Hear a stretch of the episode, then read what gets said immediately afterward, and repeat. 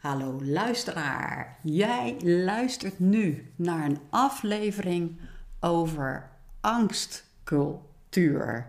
En dat is op het moment dat ik dit nu opneem best een actueel thema. Al ben ik er zelf uh, vanuit het verleden ook wel mee uh, bekend. In een ver verleden toen ik nog uh, in loondienst was. En ik heb ook wel meerdere mensen om me heen die leven of werken in een angstcultuur. En voor de zekerheid, voor het geval dat je denkt, uh, cultuur, cultuur, uh, iets kunstzinnigs of zo, nou daar hebben we het dus niet over. Hè? Ik maak deze podcast voor harder werkers die het geploeter beu zijn. En uh, dan kun je je ook wel voorstellen dat ik het nu echt wel heb over een angstcultuur en werkomgevingen. En als ik het op ga zoeken op Google, dan kom je toch wel woorden tegen als dat er collectief meerdere mensen zijn die angst ervaren op de werkvloer. En dan echt wel woorden gebruiken als vernedering, eh, chantage en dreiging.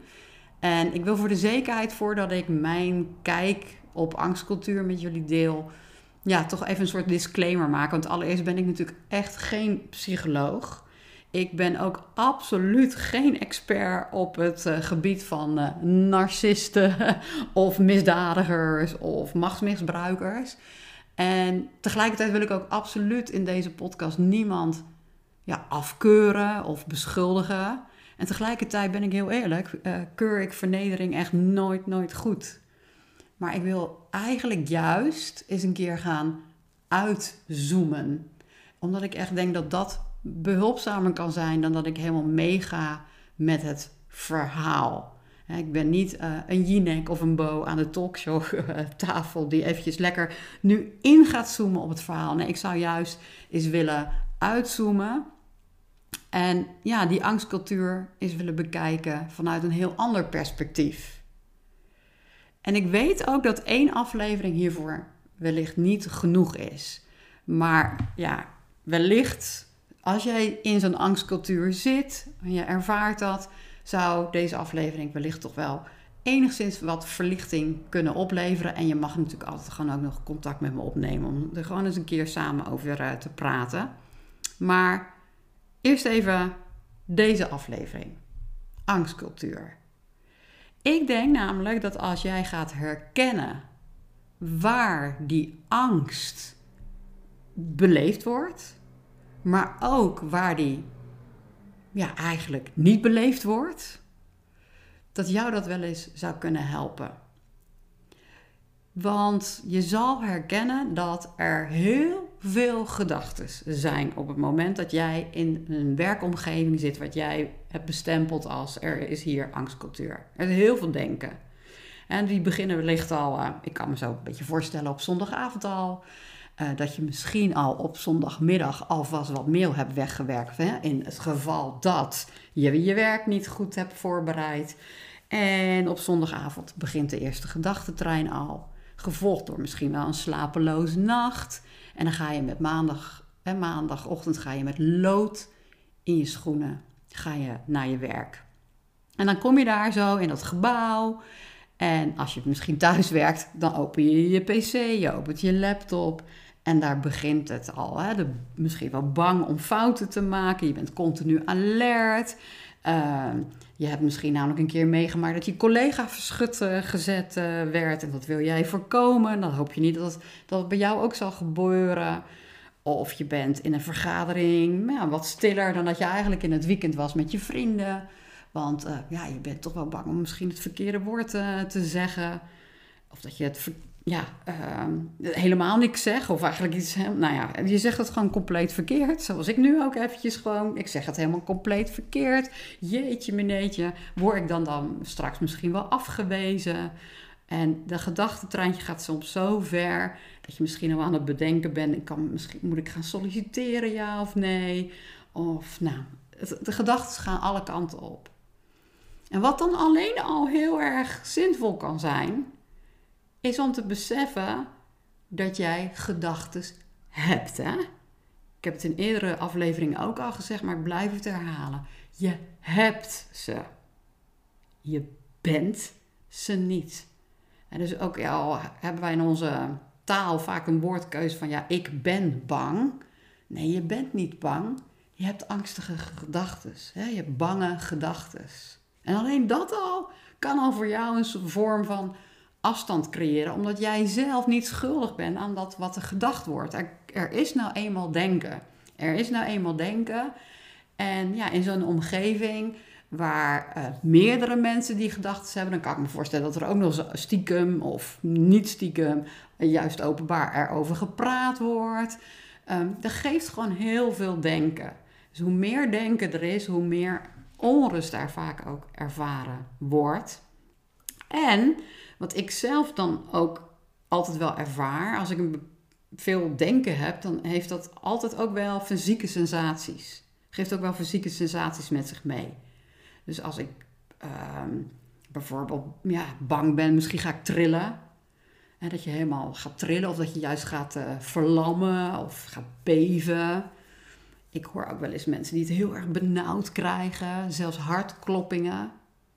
Wat ik zelf eigenlijk heel erg herken is dat ik ook wel anders ga ademen. Als ik bepaalde ja, gedachten heb, dat ineens mijn ademhaling daar anders op reageert.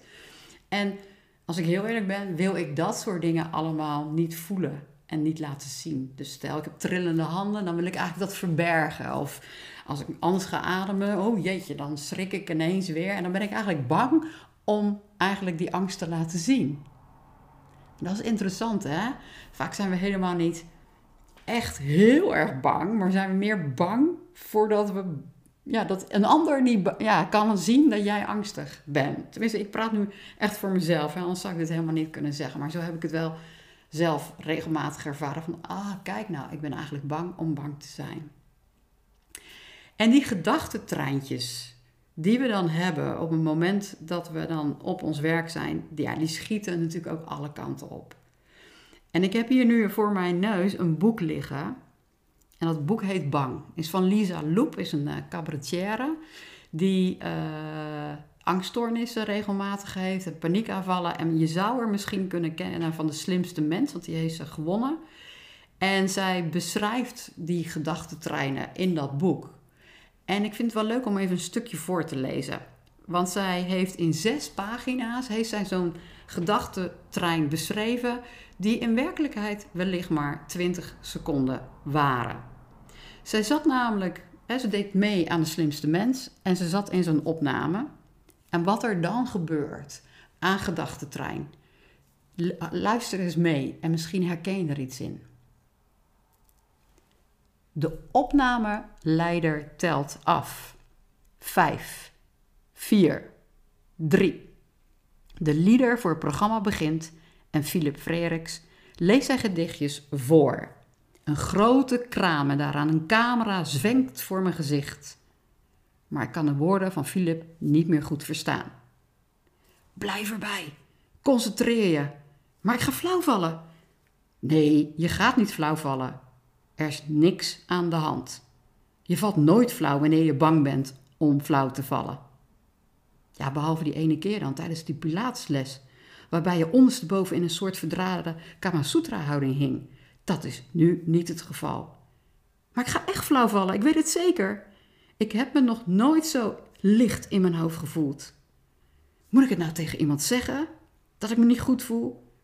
Nee, dat slaat nergens op, want we zitten midden in de opname dan zien ze me als een idioot, als een aansteller, als een patiënt.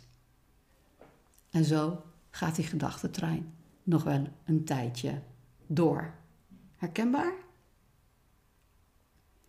En ik wil toch nog even terug, want ook Lisa heeft het dan meteen alweer over dat ze de patiënt is, de aansteller is. Het lijkt echt hè, alsof we dus vooral angst hebben voor de angst. Dat we angst hebben voor het ongemak. Dat we die angst gewoon absoluut niet willen voelen. En ik wil nog even benadrukken dat jij hier niet schuldig aan bent. Hè? Jij doet echt niks fout als jij in zo'n angstcultuur werkt. Het ligt niet aan jou. Tegelijkertijd vind ik het ook niet liggen aan iemand anders in deze aflevering. Want ik wil juist uitzoomen. Ik wil niet in dat verhaal meegaan. Maar alleen herkennen dat er heel veel denken is en dat er dus ook heel veel denken is wat totaal niet behulpzaam is. die angst voor de angst. En Sydney Banks, die dus ooit die drie principes heeft beschreven, en die, die drie principes die ik ook gebruik in deze afleveringen in mijn podcast, heeft een prachtige, hele bekende uitspraak. En als jij al bekend bent met de drie principes, dan weet je meteen welke ik nu bedoel. Maar hij is iets in de trant van wat zou er gebeuren als we niet meer bang zijn voor onze ervaringen? Wat zou er gebeuren als we niet meer bang zijn voor onze ervaringen? En dat die angst er gewoon mag zijn. Inclusief die hele nare fysieke sensatie. Inclusief dat ongemak. Dat jij er echt helemaal oké mee bent. Dus dat er ook echt geen weerstand is. Wat zou gebeuren als je niet meer bang bent voor die angst? En de kans is dan heel groot dat je het dan ineens heel helder gaat zien. Hè? Want de angst ja, vertroebelt natuurlijk alles. Hè? Al die angstige gedachten die vertroebelen. Maar voorbij die angst, voorbij die angst is er een vorm van leegte, van stilte, van ruimte. Zoals uh, heldermaker Nikki, Nikki Peters, het zo mooi omschreef van de week een keer toen ik met haar in gesprek was. Ze zei: Als de, je die angst niet meer hebt, dan mag de liefde er weer doorheen gezien worden. Dan mag de liefde er weer doorheen gezien worden. Dat vond ik zo mooi gezegd. Alsof die lucht, die ruimte weer openbreekt. Alsof je die zon weer gewoon ziet schijnen. En die zon die schijnt altijd, hè? ook als je hem niet ziet. Maar die zon die schijnt altijd, ook voor jou, echt voor iedereen. En hoe meer en meer dat gaat herkennen, dat is echt dan de enige makkelijke manier om die angstcultuur te doorbreken in mijn ogen. En want daar zit die helderheid. Het zit er niet in het denken. Hoe meer je gaat denken, hoe meer je meegaat in de chaos. Maar de helderheid zit juist voorbij dat denken. Daar zit jouw innerlijke wijsheid. Dus daar kom je echt niet door nog meer te gaan denken. Maar focus je juist op die innerlijke wijsheid. En in een ander boekje, ik heb ineens allemaal boeken hè, hier voor mijn neus, sloeg ik vanochtend open. En dat is een bekend boekje, misschien ken je hem ook wel. De jongen, de mol, de vos en het paard. En die sloeg ik uh, vanochtend uh, open op een pagina en daar stond de tekst. Als je de macht lijkt te verliezen over grote dingen, focus dan op wat dichtbij is en waar je van houdt. Als je de macht lijkt te verliezen over grote dingen, focus dan op wat dichtbij is en waar je van houdt. En nou zijn de drie principes, die schrijven absoluut helemaal niks voor. Die schrijven dit ook niet voor. Maar er zit hier wel een hele mooie aanwijzing in. Hè? Datgene wat jij zoekt is echt zo dichtbij. Het is echt vlak onder je neus. Je zit al in die helderheid. Focus je op die helderheid. Focus je daarop. En waar je van houdt, Sydney Banks zou het omschrijven als look for a positive feeling. En dat moet mij weer aan denken dat ik vanochtend weer speelde met mijn katten. Nou, dat heb je misschien al vaker gehoord in afleveringen in mijn podcast. En anders hoor je het misschien nu voor de eerste keer. Maar iedere ochtend vind ik gewoon heerlijk om even met mijn katten te spelen.